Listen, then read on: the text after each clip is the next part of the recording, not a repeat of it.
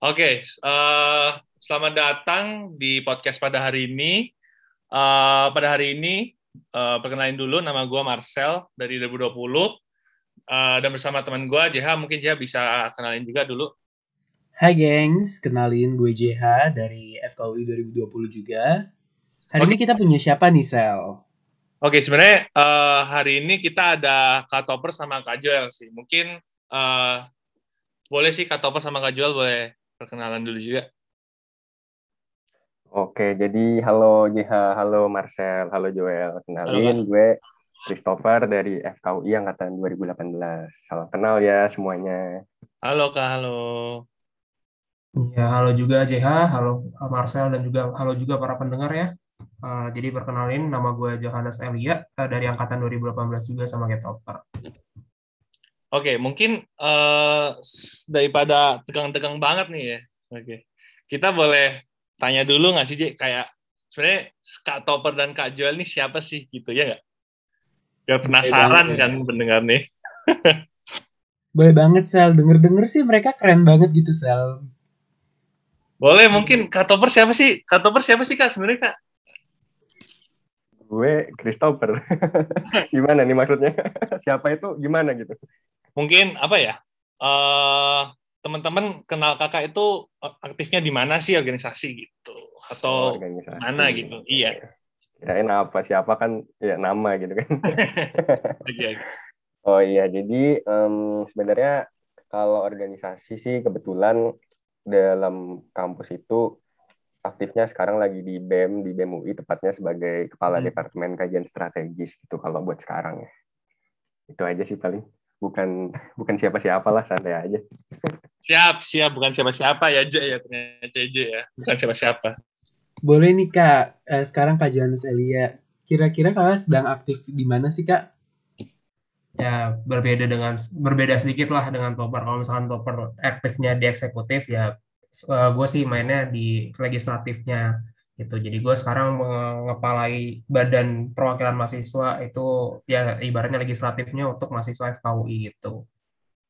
Oke oke oke oke.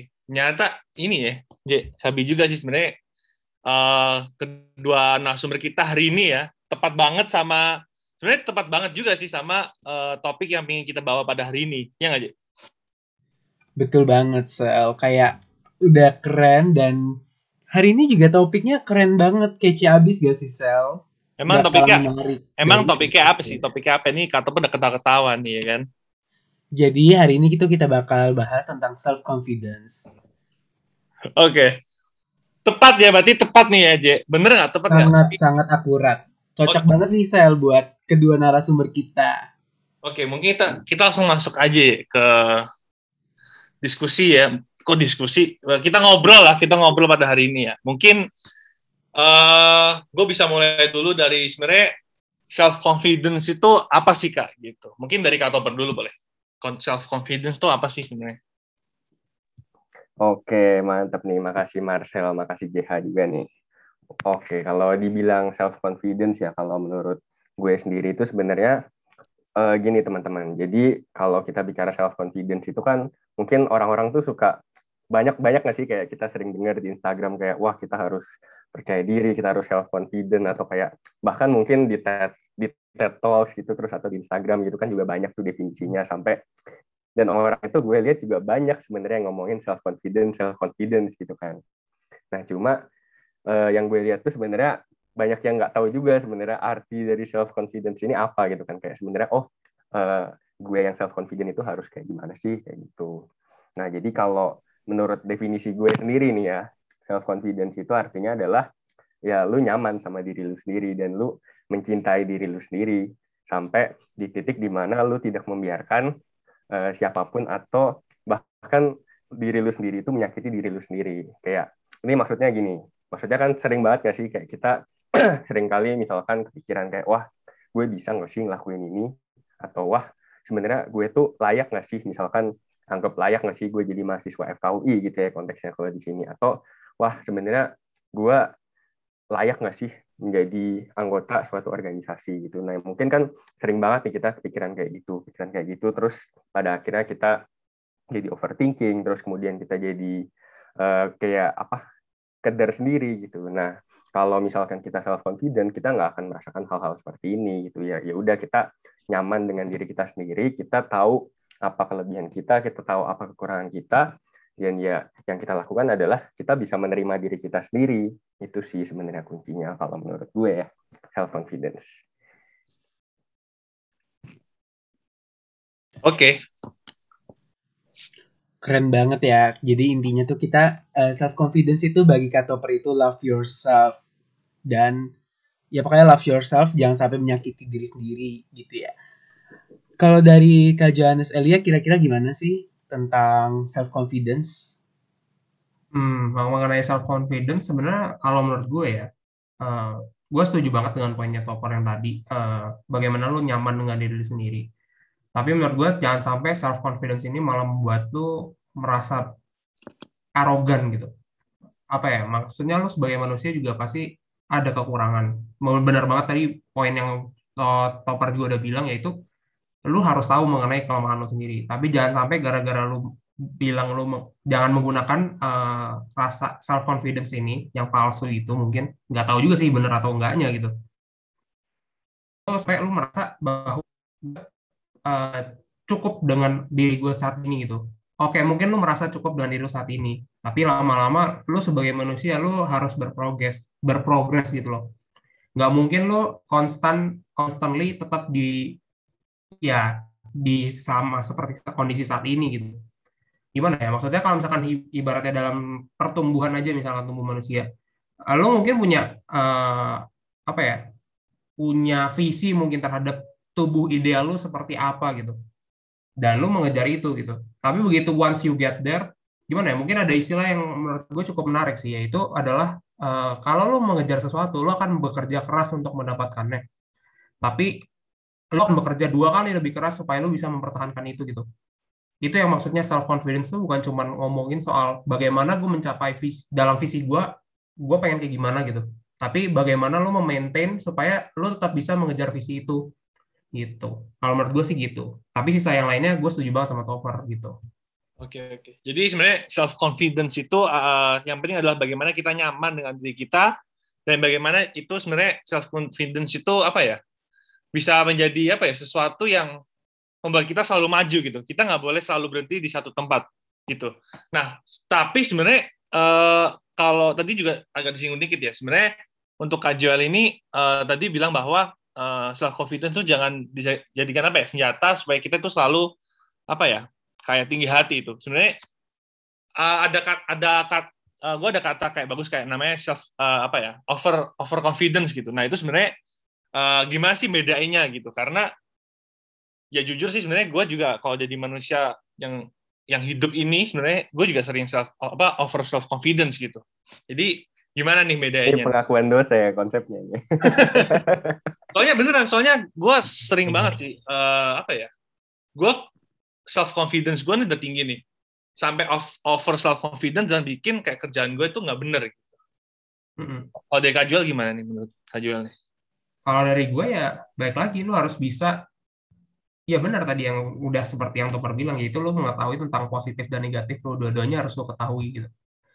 Hmm, biasanya orang-orang yang benar-benar mengetahui tentang positif dan negatif dirinya dia akan mengerti bahwa orang lain juga punya positif dan negatifnya masing-masing gitu. Dan mereka juga sadar bahwa ya gue juga manusia yang bisa salah.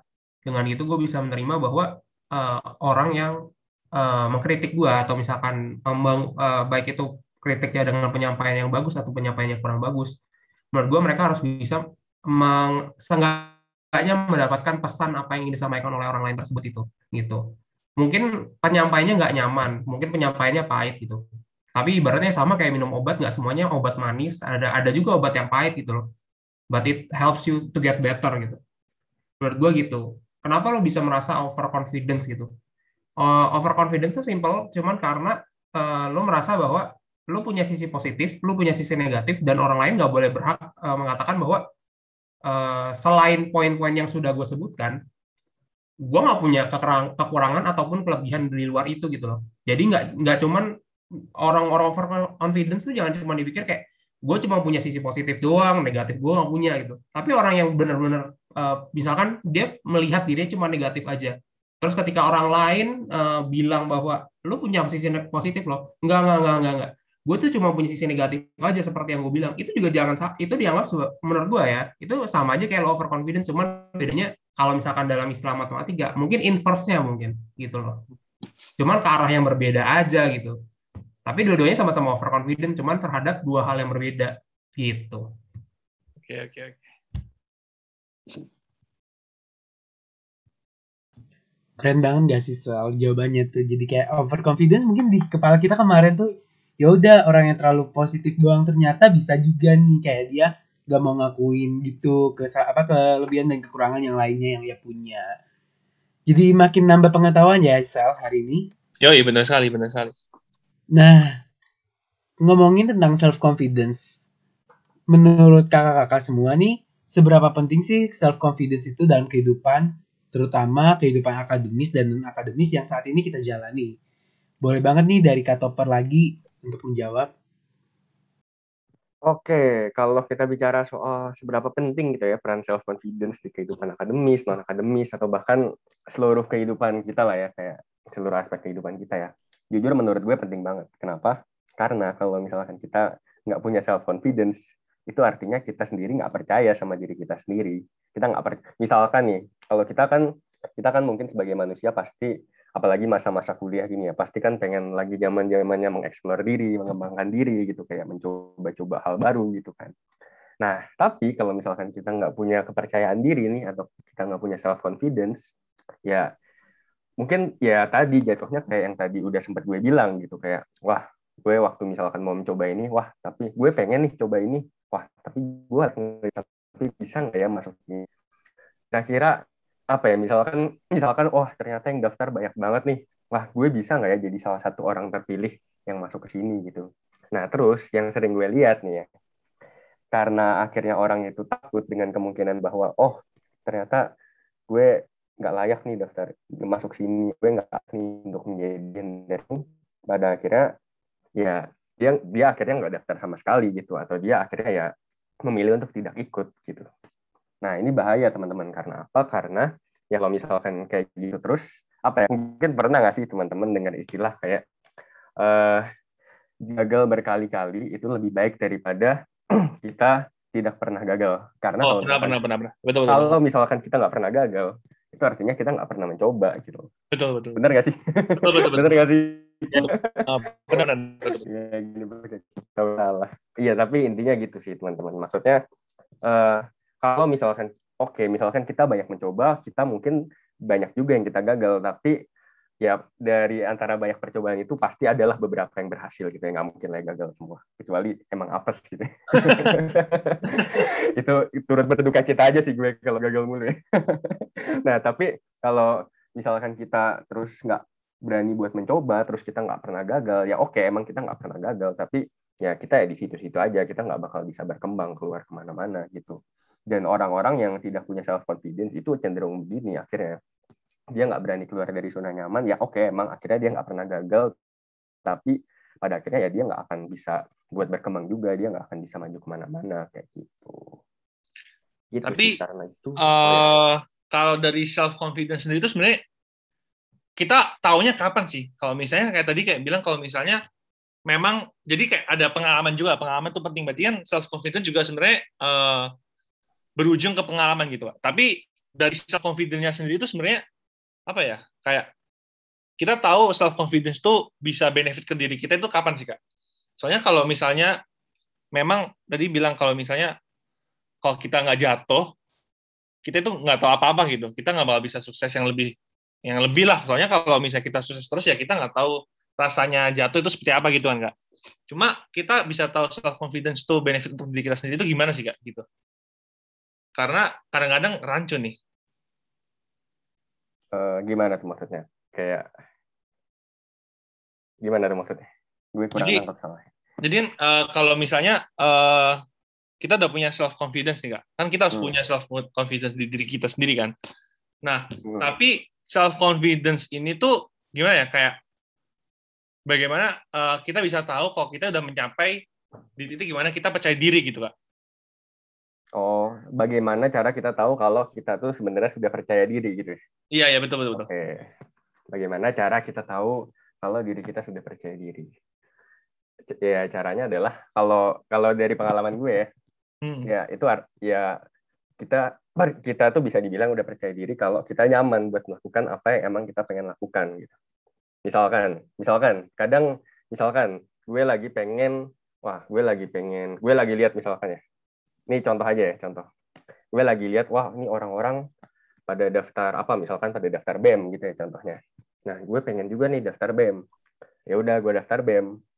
Nah, kalau gue percaya diri, akhirnya adalah gue daftar ya udah gue daftar. Terus ya gue nggak mikirin lagi entah gue keterima, entah gue gagal. Yang penting gue daftar karena gue pengen daftar gitu, karena gue pengen mengembangkan diri.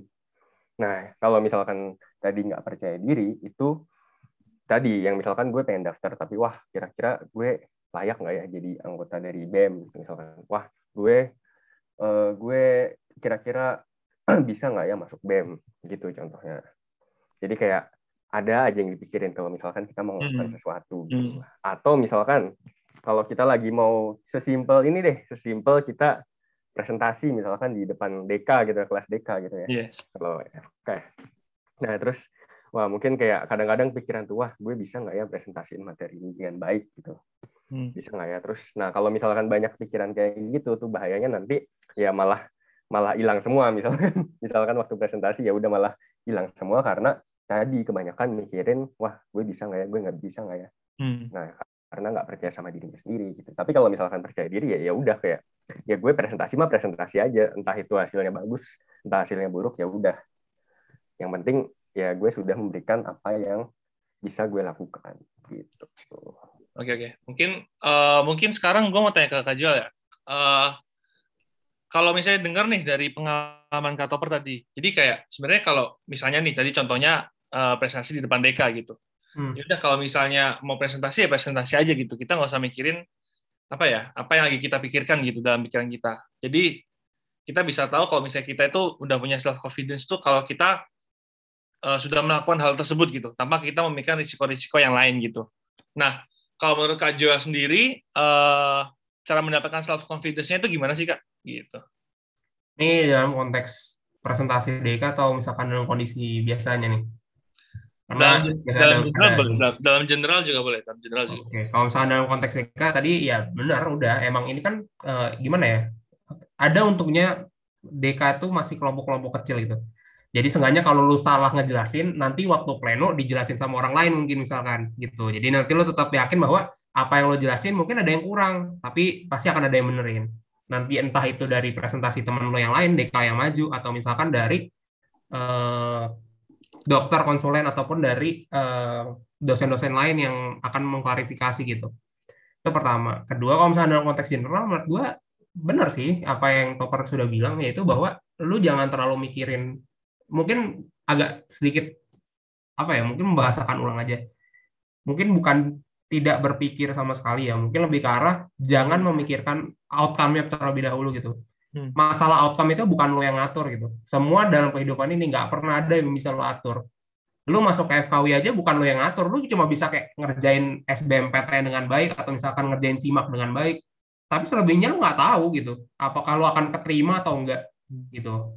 Maksudnya topper tuh kayak gitu, jangan sampai lu terlalu mikirin outcome-nya bakal jadi positif atau negatif, sampai lu lupa bahwa lu harus mengerjakannya terlebih dahulu gitu. Before lu mikirin hasilnya, lu mikirin dulu prosesnya ini kayak gimana ke depannya gitu loh. Kalau dari gua, gua mikirnya adalah ya berpikir di situ dulu gitu. Jangan sampai lu mikirnya kejauhan gitu loh. Lo baru ngechat sama cewek terus tiba-tiba lo udah mikirin pernikahan di berikutnya. Ya nggak make sense gitu loh. Masih terlalu jauh mikir. Ah, pelan-pelan aja ngambil satu-satu langkahnya satu-satu aja pelan-pelan gitu loh. Gitu. Tuh denger tuh Marcel dia. Cewek langsung mikirin mau nikah ya. Malah ilfil nanti ceweknya. Masih jomblo Kak, belum mikirin oh cewek. gitu. Wah, keren banget ya. Jadi kayak eh, bener banget. Yang penting tuh kita nggak terlalu overthinking lah sama outcome-nya. Yang penting kita jalani dulu eh, proses yang di depan dengan step by step. Oke, Sel. Mungkin pasti gak sih Sel kayak beberapa hari ini aku eh, gue sendiri juga kadang suka balik lagi kepikiran gitu kayak tentang uh, lack of self confidence atau rasa tidak percaya diri nih kayak uh, kira-kira menurut kakak apakah kita boleh banget nih kayak wajar gak sih kak kita merasa tidak percaya diri terutama kayak kalau ketika kan ketika kita memegang suatu jabatan. Misal dari kakak sendiri kan sekarang sedang mengembangkan tanggung jawab uh, sebagai ketua departemen kastrat BMUI dan ketua BPM UI menurut kakak kalau dalam uh, keseharian dan dalam organisasi itu boleh nggak sih atau wajar gak sih kita merasa nggak percaya diri nih? Mungkin dari Kak Johannes Edgar dulu boleh nih Kak jawab dijawab pertanyaannya. Oke, menurut gua ada porsinya di mana rasa nggak percaya diri itu ada gitu. Lo nggak mungkin bisa menyingkirkan uh, perasaan bahwa lo kurang layak atau lo kurang pas, lo kurang cocok. Gitu. Itu pasti akan ada gitu. Entah itu lo dengar dari orang lain yang ngomong ke lo gitu, misalkan secara nggak langsung atau misalkan teman lo ngomong dengar dari orang gitu itu bisa sangat mempengaruhi rasa percaya diri lo. Menurut gue memang ada porsinya di mana lo merasa nggak percaya diri. Karena menurut gue kalau misalkan orang yang benar-benar merasa dia percaya diri, ini agak ini agak ironis sih sebenarnya kalau misalkan dilihat dari ininya. Gimana? kalau misalkan dari orang yang sangat percaya diri, itu umumnya dia sebenarnya nggak layak di posisi itu gitu. Ketika dia merasa dia nggak percaya diri, artinya ada sesuatu yang uh, membuat dia merasa bahwa posisi ini sebenarnya nggak bisa gue dapetin. Mungkin posisi ini mungkin nggak bukan seharusnya gue yang ngisi gitu. Mungkin ada yang lebih baik dari gue. Tapi dalam di posisi yang dalam kondisi yang sama, lo juga bisa melihat bahwa orang itu memiliki apa ya beban pikiran terhadap apa yang ingin dia bawakan gitu. Itu adalah keresahan hati dia, apa yang pengen dia bawa di tahun ini. Misalkan dalam konteks misalkan uh, organisasi, baik itu di EBM UI atau di FK di fakultas lingkungan fakultas gitu Artinya ya ada keresahan tertentu yang menurut dia harus dikoreksi, ada yang harus gue benerin gitu. Kalau misalkan dia udah yakin dengan apa yang gue bawa ini udah ya apa bagus untuk semua orang, itu bedanya sama diktator apa sih? Gitu loh. Hmm. Karena kan ya namanya diktator adalah dia merasa bahwa dia paling benar. Gue udah tahu nih, gue gue yakin bahwa ini itu yang paling baik buat semua orang. Tapi dia nggak memikirkan bahwa ada orang lain yang berpikir bahwa gue masih ada menurut gue masih ada yang lain nih selain ini itu masih ada lagi atau misalkan ini ini nggak sesuai nggak nggak sesuai konteks lu ngelihatnya mungkin dari perspektif yang salah gitu lu nggak tahu melihat full picture-nya kayak gimana atau gimana itu bisa jadi gitu makanya menurut gue rasa uh, kurang percaya diri itu ada porsinya di mana lu merasa bahwa mungkin lu nggak layak gitu. Mungkin gue ngambil contoh aja kali ya ini mungkin agak uh, aneh gitu. Hmm. banyak uh, menurut gue ya orang yang jadi pemimpin kalau misalkan dia merasa bahwa dia nggak layak dan dia akhirnya dapat maju jadi uh, jadi misalkan dia mengemban amanah tersebut pada akhirnya gitu menurut gue dia punya fuel yang lebih kuat gitu karena dia merasa bahwa rasa ketidakpercayaan diri ini gue bisa gue uh, apa ya mungkin dengan gue mengemban jabatan mengemban amanah ini gue bisa mengenal lebih dalam sebenarnya masalah-masalah apa sih yang belum gue tahu ketahui sebelumnya. Mungkin orang lain merasa bahwa apa yang gue bawa ini udah cocok gitu. Hmm. Tapi apakah cuman itu aja gitu? Lu mulai sadar tidak diri itu nanti pelan-pelan lo akan ini membuka mungkin masalah-masalah lain yang sebelumnya lo nggak ketahui itu. Tapi lama-lama lo akan melihat bahwa oh iya ini kurang. Berarti apa yang bisa gue lakuin? Apa yang bisa gue lakuin? Lo selalu menemukan sesuatu apa yang uh, bisa lo lakuin gitu karena orang yang terlalu percaya diri ujung-ujungnya hidupnya agak membosankan gitu loh karena dia merasa yakin bahwa ya ya udah gua ya itu yang tadi over self confidence itu gitu. rasa bahwanya sesuai dengan menurut gua kayak gini gitu kan orang lain mau ngomong apa gitu sorry banget bahasanya agak kasar dikit gitu ya yeah. jadi sebenarnya kalau gua dengar-dengar tentang tadi ya sebenarnya mm -hmm. gua juga ada pengalaman sih kayak misalnya uh, eh, gue punya temen nih gue punya temen mm -hmm. habis itu dia dia dia pinter sih dia pinter kayak abis itu gimana ya kayak dia pasti dapat jabatan ini nih gitu nah abis itu uh, tiba-tiba saat dia nggak dapet jabatannya dia kayak dia kayak merasa wah ini gue kenapa ini gitu tak karena gue gue bisa cerita ini karena sebenarnya gue gue ya gue oke okay aja gitu sama over self self confident dia karena emang ada buktinya gitu ada bukti kalau misalnya dia itu uh, apa ya cocok lah jadi pemimpin itu. Nah, tapi ternyata uh, orang ini nggak dipilih gitu sama uh, teman-temannya gitu. Apakah self confidence ini sebenarnya juga apa ya dapat dipengaruhi oleh uh, faktor eksternal gitu? Karena kalau gue lihat dari orang ini itu sebenarnya temennya sebenarnya kayak dia tuh cocok gitu, tapi kenapa kayak temennya nggak milih dia gitu? Padahal kalau di atas kertas putih itu cocok loh gitu. Hmm. Okay. Gimana nih? Mungkin dari topper dulu kali ya, Kayaknya tadi gue udah ngomong agak kepanjangan. Mungkin boleh, boleh, boleh, boleh. Dari perspektif topper dulu deh. Boleh, boleh. Kan top. Uh, waduh, gimana ya? Kalau kita bicara soal tadi sih sebenarnya balik lagi sebenarnya kalau kita bilang soal soal apa ya? Kalau kita menyempitkan menyempitkan scope apa ya? Mungkin kalau menurut gue sebenarnya ini udah bukan bahasa self confidence sih karena tadi kan itu kan lebih ke wah ini terpilih atau enggak gitu ya. Yeah. Nah, kalau misalkan terpilih atau enggak itu udah beda lagi sama self confidence karena tadi itu sama kayak yang udah dibilang Joel tadi itu adalah outcome gitu ya yang hmm. mana outcome itu sendiri sebenarnya ya kita nggak bisa kontrol cuy. Kayak banyak banget emang faktor eksternal yang bisa terjadi kalau dalam hal apalagi kalau dalam hal ini ya dalam hal dalam hal election gitu ya atau dalam hal kayak pemilihan seorang pemimpin yang bentuknya dipilih atau nggak dipilih gitu. Ya mungkin emang eh, banyak faktor eksternal yang mempengaruhi. Misalkan kayak wah ternyata gaya kepemimpinannya dia kurang cocok misalkan sama orang-orang di organisasi ini gitu. Atau ya ternyata ada faktor-faktor eksternal lain. Misalkan ya banyak lah kita tahu lah kalau misalkan dalam hal pemilihan sesuatu mungkin kayak temennya temennya si calon yang sebelah mungkin lebih banyak di organisasi itu. Contoh itu mungkin bisa jadi salah satu salah satu faktor juga. Nah cuma uh, kalau kita bicara dalam konteks self confidence gitu ya. Nah itu apa ya?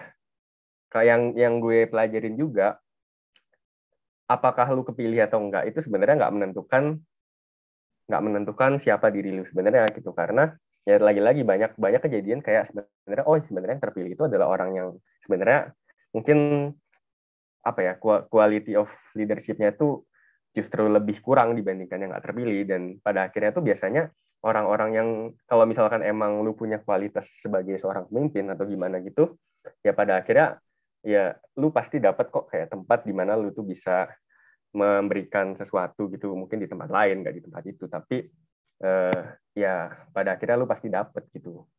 Mungkin itu sih. Oke oke oke. Mantap.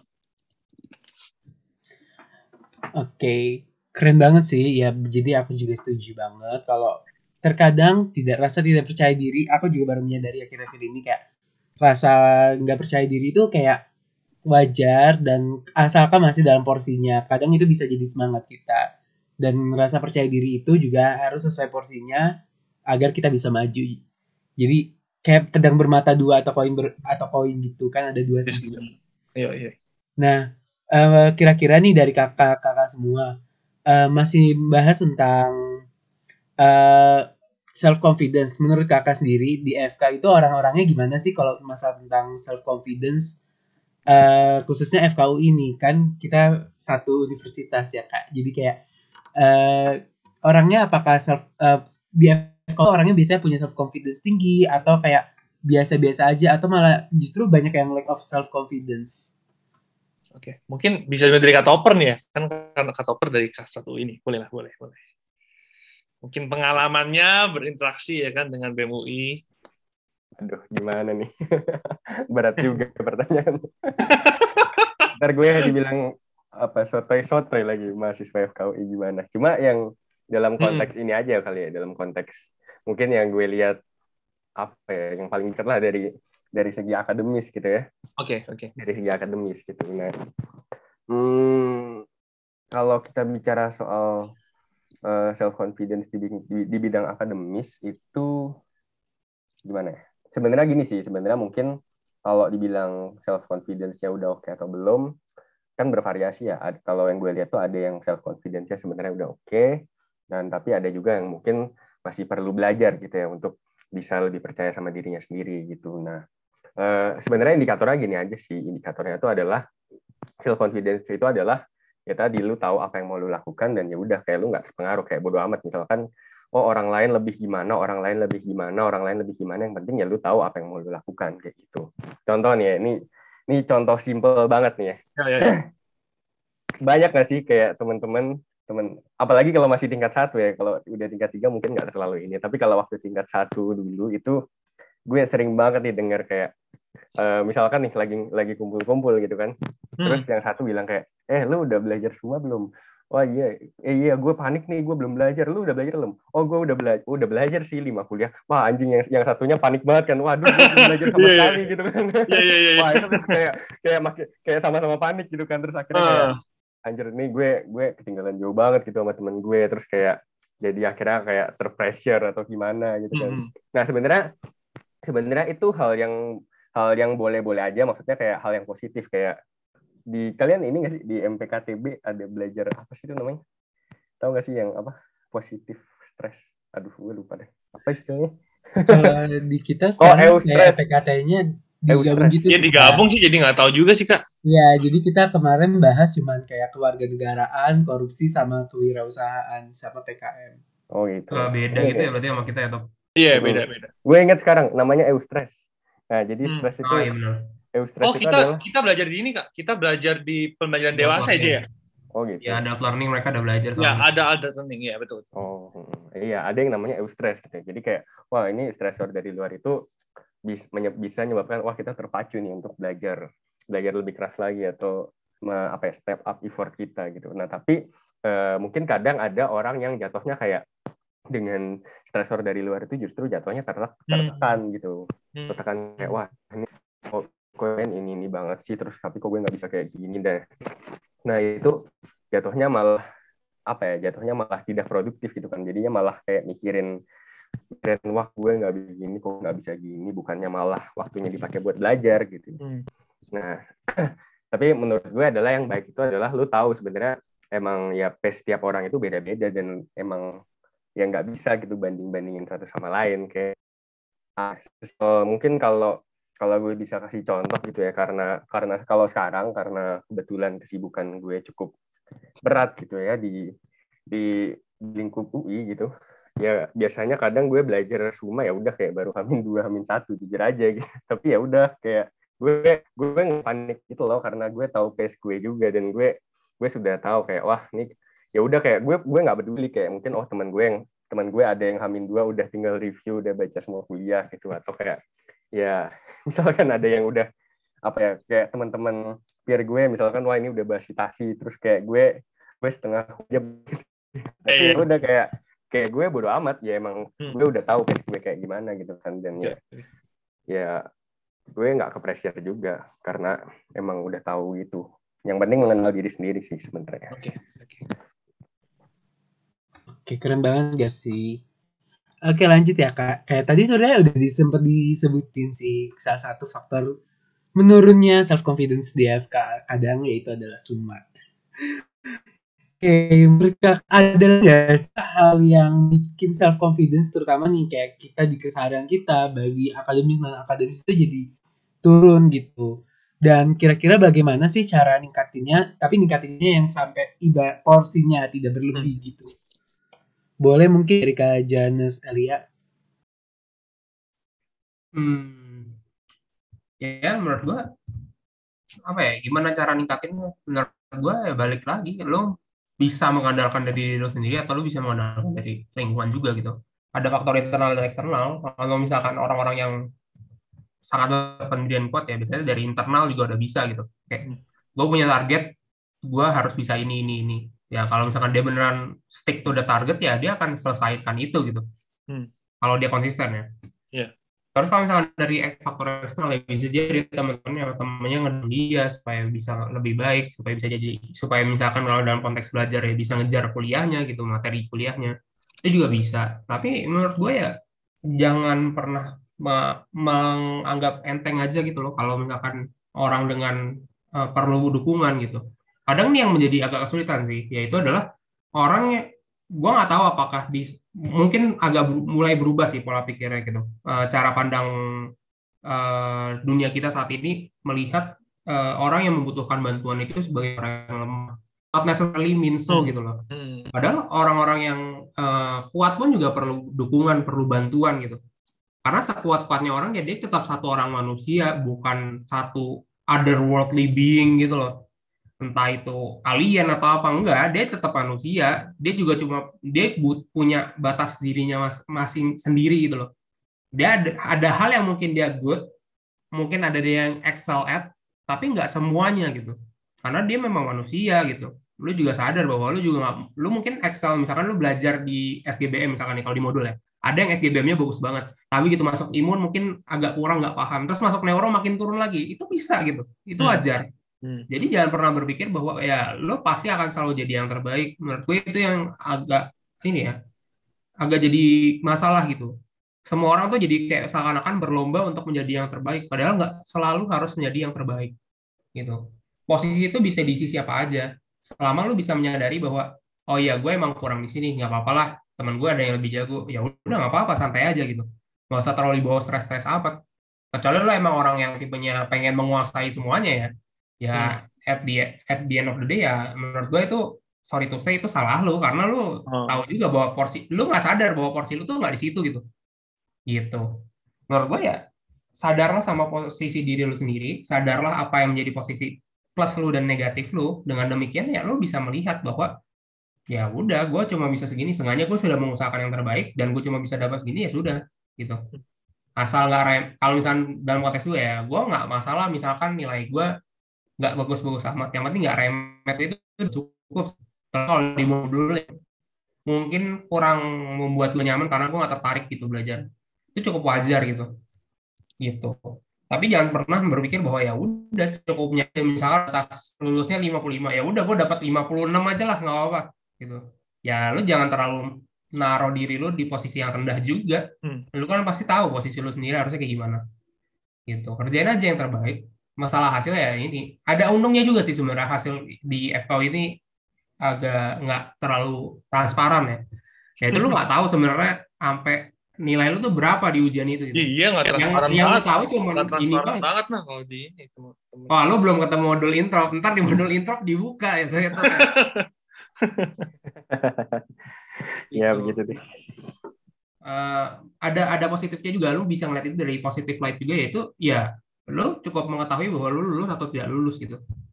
Dan lo harus konten dengan itu. Lo harus bercuk berkecukupan dengan rasa itu gitu. Hmm. gitu. Karena masalah perihal hasilnya gimana ya baru di, dilihat tuh nanti di akhir banget pas yudisium nanti.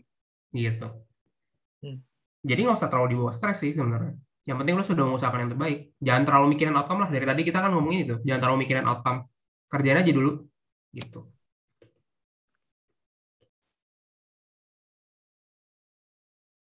bener banget sih kayak aku setuju banget sama yang dibilang kak jo, uh, kak Johan Elia. Kayak aku juga kemarin gitu sih kayak kes, makin ke sini kadang kadang sempet turun gitu kayak uh, gara-gara cuma jadi bisa kayak kurang di satu nomor tapi pada akhirnya aku sadar uh, itu aku harus terima dalam ikhlas karena aku sudah melakukan yang terbaik gitu. Yang penting tuh kita tetap melakukan yang terbaik di segala hal. Maupun apa hasilnya outcome-nya tetap uh, tetap kita usahakan yang terbaik tapi ingat tidak selalu untuk jadi uh, tidak perlu untuk jadi yang terbaik kadang kayak ya udah gitu karena mungkin bukan porsi kita bukan hal yang bisa kita ibaratnya ahli lah dalam bidangnya kayak uh, kita bisa. Tapi pasti ada suatu saat kita akan bisa di salah satu bagian gitu. Oke. Okay. uh, kalau dari kak Topper sendiri gimana sih kak cara meningkatkan self confidence-nya itu sendiri kalau dari cara kakak. Oke, cara meningkatkan self confidence. Sebenarnya sesimpel gini sih. Kalau kita bicara soal self confidence itu gini. sebenarnya apa ya? Sebenarnya kita nggak percaya diri atau kayak kita jiper atau gimana itu sumbernya dari mana sih sebenarnya? Karena sumbernya itu kita ngebandingin diri kita sama orang lain. Ya kan? Hmm. Kalau nggak ada bandingannya ya udah kayak ya udah kan ya udah diri kita sendiri aja kayak kayak wah kita kita mau jiper sama siapa? Kita mau nggak percaya diri sama siapa? Biasanya kan kalau orang nggak percaya diri itu karena wah ini ini orang lain kok orang lain keren-keren nih wah semuanya. Atau kayak wah atau misalkan di organisasi wah pendahulu gue keren banget nih waduh gue bisa nggak ya sekeren dia? Gitu kan. Pasti biasanya kalau kita bilang soal uh, kepercayaan diri itu bandingannya sama orang lain gitu.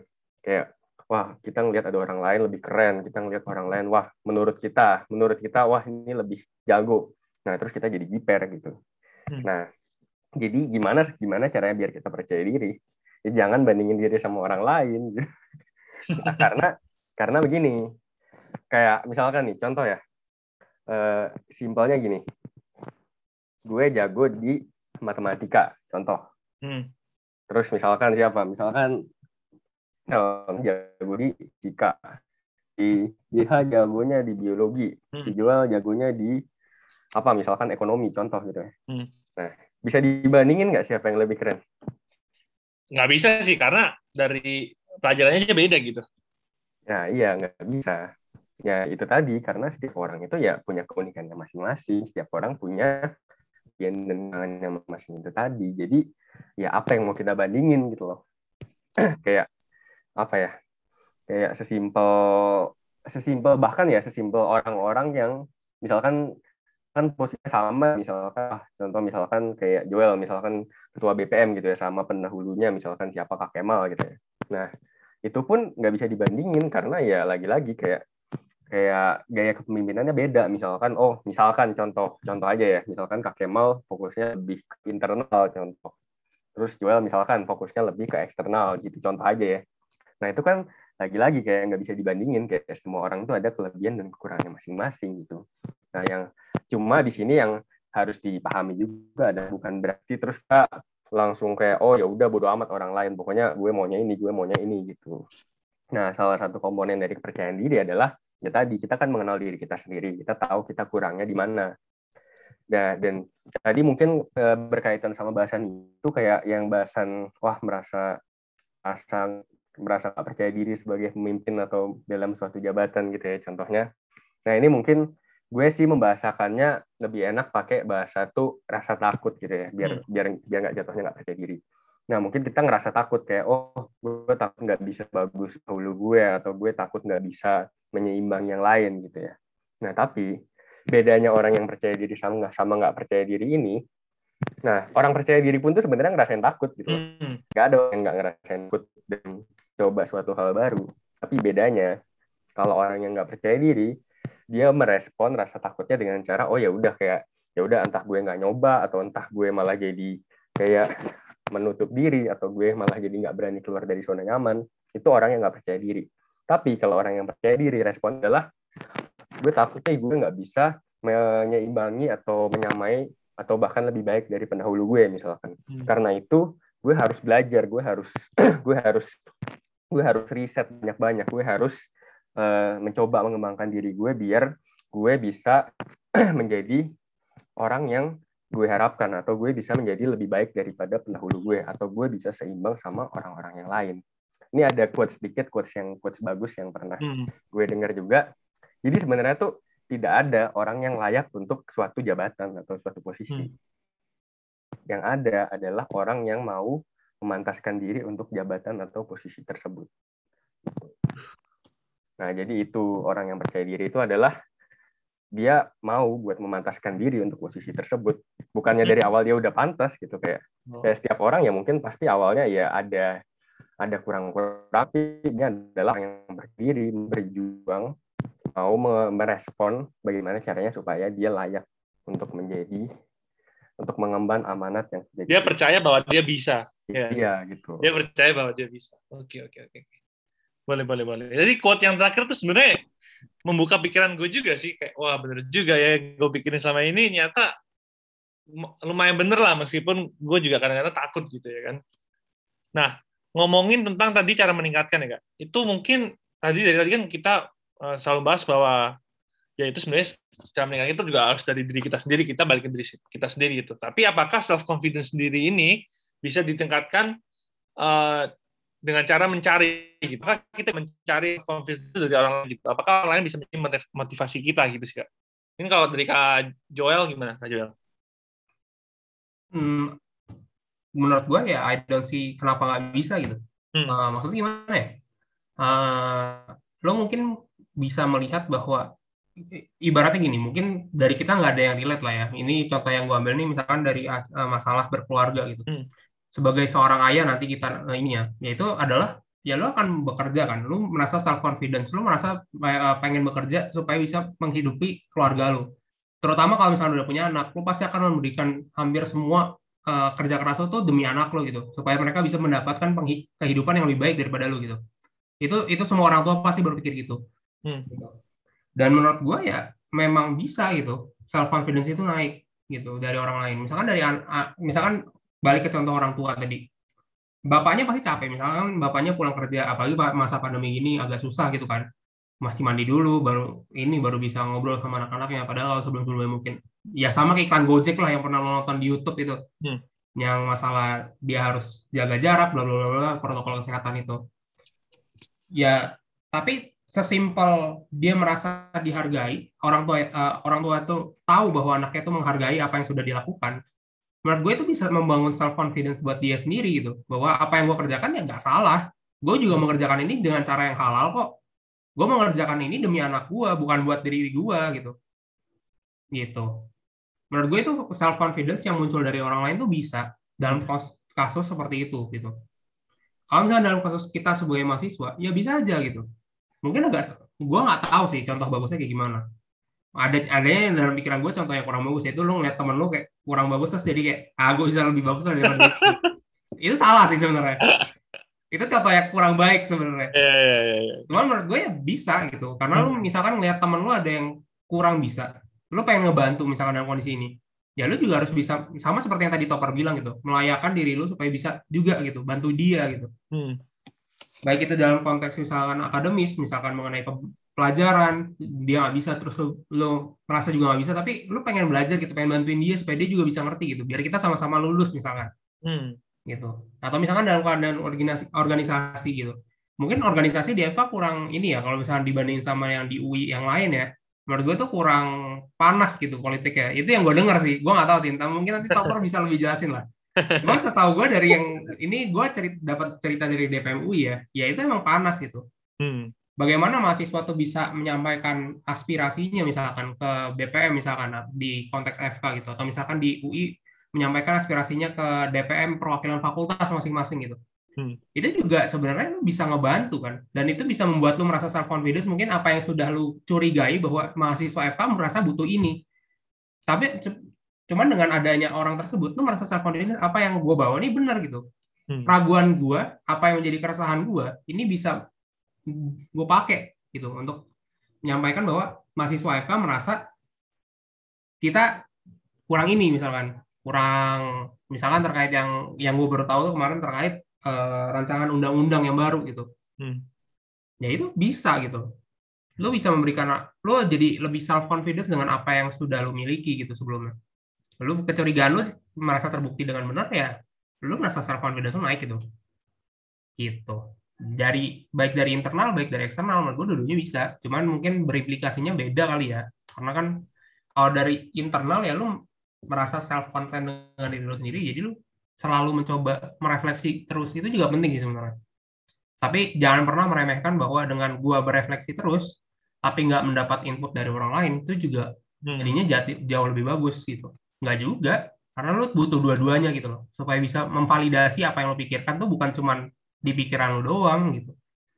Gitu. Kalau masalah self confidence tuh selalu ngomongin itu sih sebenarnya. Hmm. bagaimana lo menjaga diri lo tetap yakin dengan keyakinan lo dan bagaimana lo yakin uh, dengan orang lain adalah ya itu bagaimana orang lain juga melihat kondisi yang sama dan melihat solusi lo itu bisa masuk akal itu. Itu sih sebenarnya menurut gue Oke, tapi sel, kalau ngomongin self confidence itu kayaknya luas banget ya. Namun nih sel, kayak karena keterbatasan waktu, uh, sayangnya kita harus akhiri dulu sesi kali ini. Tapi sebelum kita akhiri sesi kali ini, boleh nih kakak-kakak sekalian ngasih closing statement buat para pendengar tercinta kita dari episode 1 sampai saat ini. Boleh dari Kak Topper dulu memberikan closing statementnya closing statement apa ya? Belum bikin. sebenarnya udah kesam, sebenarnya udah ke, kalau didengar tuh udah sampai semua sih tadi. Cuma mungkin hmm. me, apa ya? menyempitkan lah ya. Ya, wrap up gitu lah ya kasaran. Iya, betul. Um, mungkin kalau dari gue ya. Kalau dari gue kalau gue boleh sedikit filosofis gitu ya. filosofis lagi. apa ya? Uh, ini tapi ini beneran. Jadi kayak setiap kehidupan setiap kehidupan manusia kayak ya entah gue, entah entah Joel, entah Diha, entah Marcel gitu ya. Nah itu pasti ada ini pasti ada uh, apa ya? Pasti ada tantangannya sendiri. Ada naiknya, ada naiknya, ada turunnya. Kehidupan semua orang itu sama. Nah mungkin ya mungkin kehidupan gue wah mungkin kehidupan gue sekarang kan misalkan gue di BMUI atau misalkan jual di BPM atau uh, buat Marcel JH masih mahasiswa baru gitu ya. Nah semuanya itu pasti ada tantangannya sendiri dan ya semua orang itu punya pencapaiannya sendiri, punya uh, punya mungkin masa-masa kelamnya juga gitu.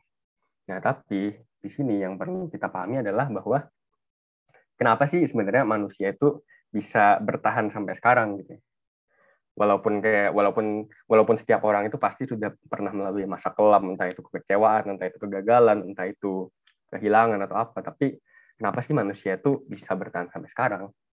Itu adalah karena e, manusia itu bisa untuk bangkit dari kegag semua kegagalan yang udah pernah dia alami. Semua kegagalan yang udah pernah dia alami entah itu kehilangan semenyakitkan apa pun entah itu ke kecewaan sedalam apa pun ya pada akhirnya manusia itu bisa gitu untuk bangkit lagi dan untuk mencoba memerapikan hidup lagi untuk menjadi lebih baik lagi gitu.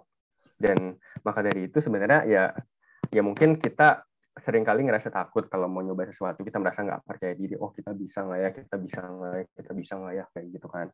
Nah tapi ini berdasarkan yang mungkin dari hasil diskusi sama banyak orang juga dan dari pengalaman gue juga adalah bahwa ya udah kayak sebenarnya bahkan rasa takut gagal itu sendiri tuh lebih buruk daripada gagal itu sendiri gitu loh karena hmm. ya kalau rasa takut gagal itu ya lu sampai tahu hasilnya lu bakalan takut terus gitu loh tapi iya. kalau sebenarnya kalau misalkan lu udah tahu hasilnya oh misalkan lu gagal oh ya udah gitu loh kayak paling ya sedih sedih sedih berapa hari sih sedih tiga hmm. hari seminggu gitu kan tapi ya udah gitu loh life goes on seberapa gede sih dampaknya suatu satu kegagalan dari berjuta-juta peristiwa yang ada di hidup lu hmm. itu kecil banget gitu loh dampaknya. Bahkan bahkan kalau misalkan ini sebenarnya salah satu senjata apa ya tanda kutip senjata yang gue pakai gitu ya kalau misalkan gue lagi nggak percaya diri ya. Kalau misalkan gue lagi kadang overthinking atau gimana gitu mungkin orang-orang kan kadang justru mikirkan wah gue gue udah pernah ngapain aja sih? Wah gue udah punya achievement apa aja? Kayak gue udah pernah juara entah itu apa Nah itu itu boleh, itu bagus. Tapi kalau kalau gue sendiri, gue justru mengingat-ingat pengalaman gue yang kelam. Kalau misalkan gue lagi nggak percaya diri nih. Karena apa? Karena dari pengalaman gue yang kelam, itu gue bisa tahu kalau oh ternyata gue pernah toh mengalami kejadian seburuk ini. Dan gue masih bisa bertahan sampai sekarang, gue masih bisa berdiri sampai sekarang. Yaitu tandanya adalah bahwa ya mungkin sekarang gue ada masalah lain juga yang oh mungkin mungkin susah juga buat dihadapin. Tapi gue tahu kalau gue tuh bisa buat ngadapin ini. Dan dan nggak belum tentu orang-orang lain itu bisa gitu. Jadi begitu sih mungkin kalau dari gue. Semangat terus teman-teman karena setiap orang pasti punya kegagalan. Tapi gue yakin bahwa kalau misalkan kita mau untuk kita mau untuk nggak mikirin apa yang apa yang sudah terjadi, hmm. apa yang sudah terjadi itu kita pasti bisa untuk berkembang dan jadi orang sukses di masa depan. Makasih aja. Oke, oke. Semua orang mau sukses lah ya pasti. Ya semoga Amin. ya hal seperti itu bisa tercapai lah. Mungkin kalau dari Kajol mau ada tambahan mungkin? Kak Topper nih sebenarnya udah nyampein hampir lumayan sih ya. Hmm. Menurut gue ya itu, uh, gue sih setuju banget sama Topar. Mungkin ingin menambahkan dikit. Uh, ketika lo merasa self confidence, jangan sampai lo merasa diri lo bahwa lo yang paling benar gitu. Uh, itu yang udah masuk ke over confidence tadi, yang sudah kita bahas juga over self confidence hmm. tadi. Menurut gue orang yang self confidence itu dia yakin dengan apa yang dia uh, bawa, apa yang dia resahkan, apa yang dia apa pun itulah Eh, dan dia tuh tetap bisa melihat kondisi empati terhadap orang lain juga dia melihat dengan keadaan orang lain ini sesuai atau sesuai gitu karena kalau misalkan lo cuma mikirin diri lo sendiri itu ya ya lo nggak pernah akan bisa jadi manusia yang baik gitu. Kalau misalkan lu nanti suatu saat bertemu dengan orang-orang yang sukses, lu nggak mungkin kan nanya uh, apa menurut dia achievement terbesar tuh apa sih? Karena menurut dia achievement terbesar tuh banyak gitu loh. Achievement yang besar tuh banyak banget yang mereka miliki. Tapi mungkin satu-satunya pembelajaran yang bisa lo tanyain ke mereka adalah apa yang menurut dia kegagalan dia yang paling besar gitu. Hmm. Dari kegagalan itu lo bisa melihat bahwa iya bahkan orang sesukses dia dia juga pernah gagal gitu. Lo jangan merasa takut bahwa dengan lo gagal sekali lo hidup lo jadi hancur berantakan gitu. Hidup lo ini masih punya banyak unlimited possibilities gitu satu dibanding sepersekian ya nggak seberapa lah. Mungkin iya, itu akan mempengaruhi hidup lo, mempengaruhi cara berpikir lo nanti ke masa depannya. Entah itu cara yang lebih baik atau cara yang kurang baik, kita nggak tahu gitu. Tapi satu hal yang harus lo tahu bahwa hidup lo ini masih punya banyak kesempatan yang lain. Kalau lo cuman berkutat di satu masalah yang ujung-ujungnya, yang misalkan lo kegagalan lo satu itu, ya berapa banyak juta kesempatan lain yang udah lo buang gitu karena lo masih mikirin itu lagi. Hidup lo ini terlalu singkat untuk mikirin satu hal aja. Hidup lo ini tapi terlalu uh, terlalu panjang juga untuk mikirin satu masalah doang gitu. Jadi nggak bisa dibilang bahwa ya satu orang itu merasa self confidence ya dengan melihat kondisi orang lain dan juga melihat dirinya sendiri gitu. Lo harus bisa istilahnya tuh apa ya? bisa memandang diri sendiri lah objektif terhadap diri sendiri jangan terlalu subjektif doang. Subjektif itu penting tapi objektif juga penting. Dua-duanya harus ada. Supaya ya lu bisa jadi manusia yang lebih baik. Supaya self confidence lu itu self confidence yang beneran ada gitu. Bukan self confidence yang lu buat dalam pikiran lu sendiri gitu. Dan gue itu sih. Oke, oke. Kalau dari gue sih yang paling kena tadi dari Kak Jo bilang sih jangan pernah melihat orang dari kesuksesannya ya, tapi dari kegagalannya. Itu uh, suatu hal yang ya menjadi pandangan baru lah buat gue gitu sih. Kalau dari JH gimana dari JH?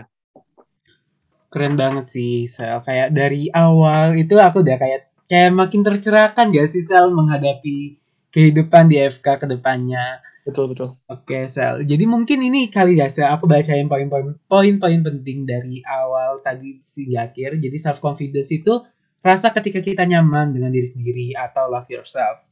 Dan self confidence tentu berkaitan erat dong dengan lack of self confidence atau tidak percaya diri. Kedua hal tersebut berperan penting dalam kehidupan kita untuk tetap maju ketika sesuai dengan porsinya. Self confidence juga berbicara tentang tetap melakukan yang terbaik dalam segala hal tanpa terlalu memikirkan outcome-nya dan menerima hasilnya itu dengan ikhlas. Selain itu, self confidence adalah kondisi kita mengetahui nih kelebihan dan kekurangan yang ada dalam diri kita dan kita menerima itu sebagai bagian dari diri kita tanpa membandingkan dengan orang lain. Kayak keren gak sih Sel? Dari awal sampai akhir tuh makin tercerahkan gak sih Sel? Ya. Ya sebenarnya kalau dari gue itu banyak banget ya yang gue ambil ya. Cuma uh, yang penting sih kalau dari gue sih ya jadi jadi diri sendiri dan jangan lupa bahwa kita itu hidup nggak cuma seorang gitu. Kita hidup ada orang lain. Orang lain juga apa ya banyak kesusahan banyak kegagalan. Jadi ya udah jadi be yourself lah sama ya hidup seperti sungai lalu jangan aneh-aneh lu ikutin apa yang ada di alam ini yang ada di lingkungan sekeliling lu gitu aja sih kalau dari gua. Ya mungkin ya kalau dari kita sih sudah segitu ya aja ya. Tadi iya. udah sebenarnya kita masih mau banyak berbicara nggak sih sel? Tapi karena keterbatasan ya sebenarnya gue juga nggak pingin ngomongin self confidence doang tapi ya karena ya waktu lah mungkin ya kita juga ada kegiatan masing-masing juga. Tadi udah ditutup sama kesimpulan ya udah berasa kayak webinar kita ya. Cuma cuma semoga semoga dari semua yang udah apa ya kita bicarakan kita ngobrol bareng ini bisa uh, apa ya membuka pikiran kepada uh, pendengar-pendengar uh, khususnya teman-teman kita lah ya yang, yang seangkatan lah aja ya. Iya, baik yang dari UI ataupun bahkan dari FK-FK lain nih, betul, betul. bisa banget Oke oke, mungkin uh, sekian ya uh, untuk podcast pada hari ini. Uh, gua Marcel dan teman gua JH uh, ingin mengucapkan uh, terima kasih sebesar besarnya karena sudah mendengarkan podcast pada hari ini. Yaudah, gua caw. Jangan lupa nantikan episode berikutnya. Bye bye, terima kasih kakak-kakak. Terima kasih semuanya. Ya, siap, mantap.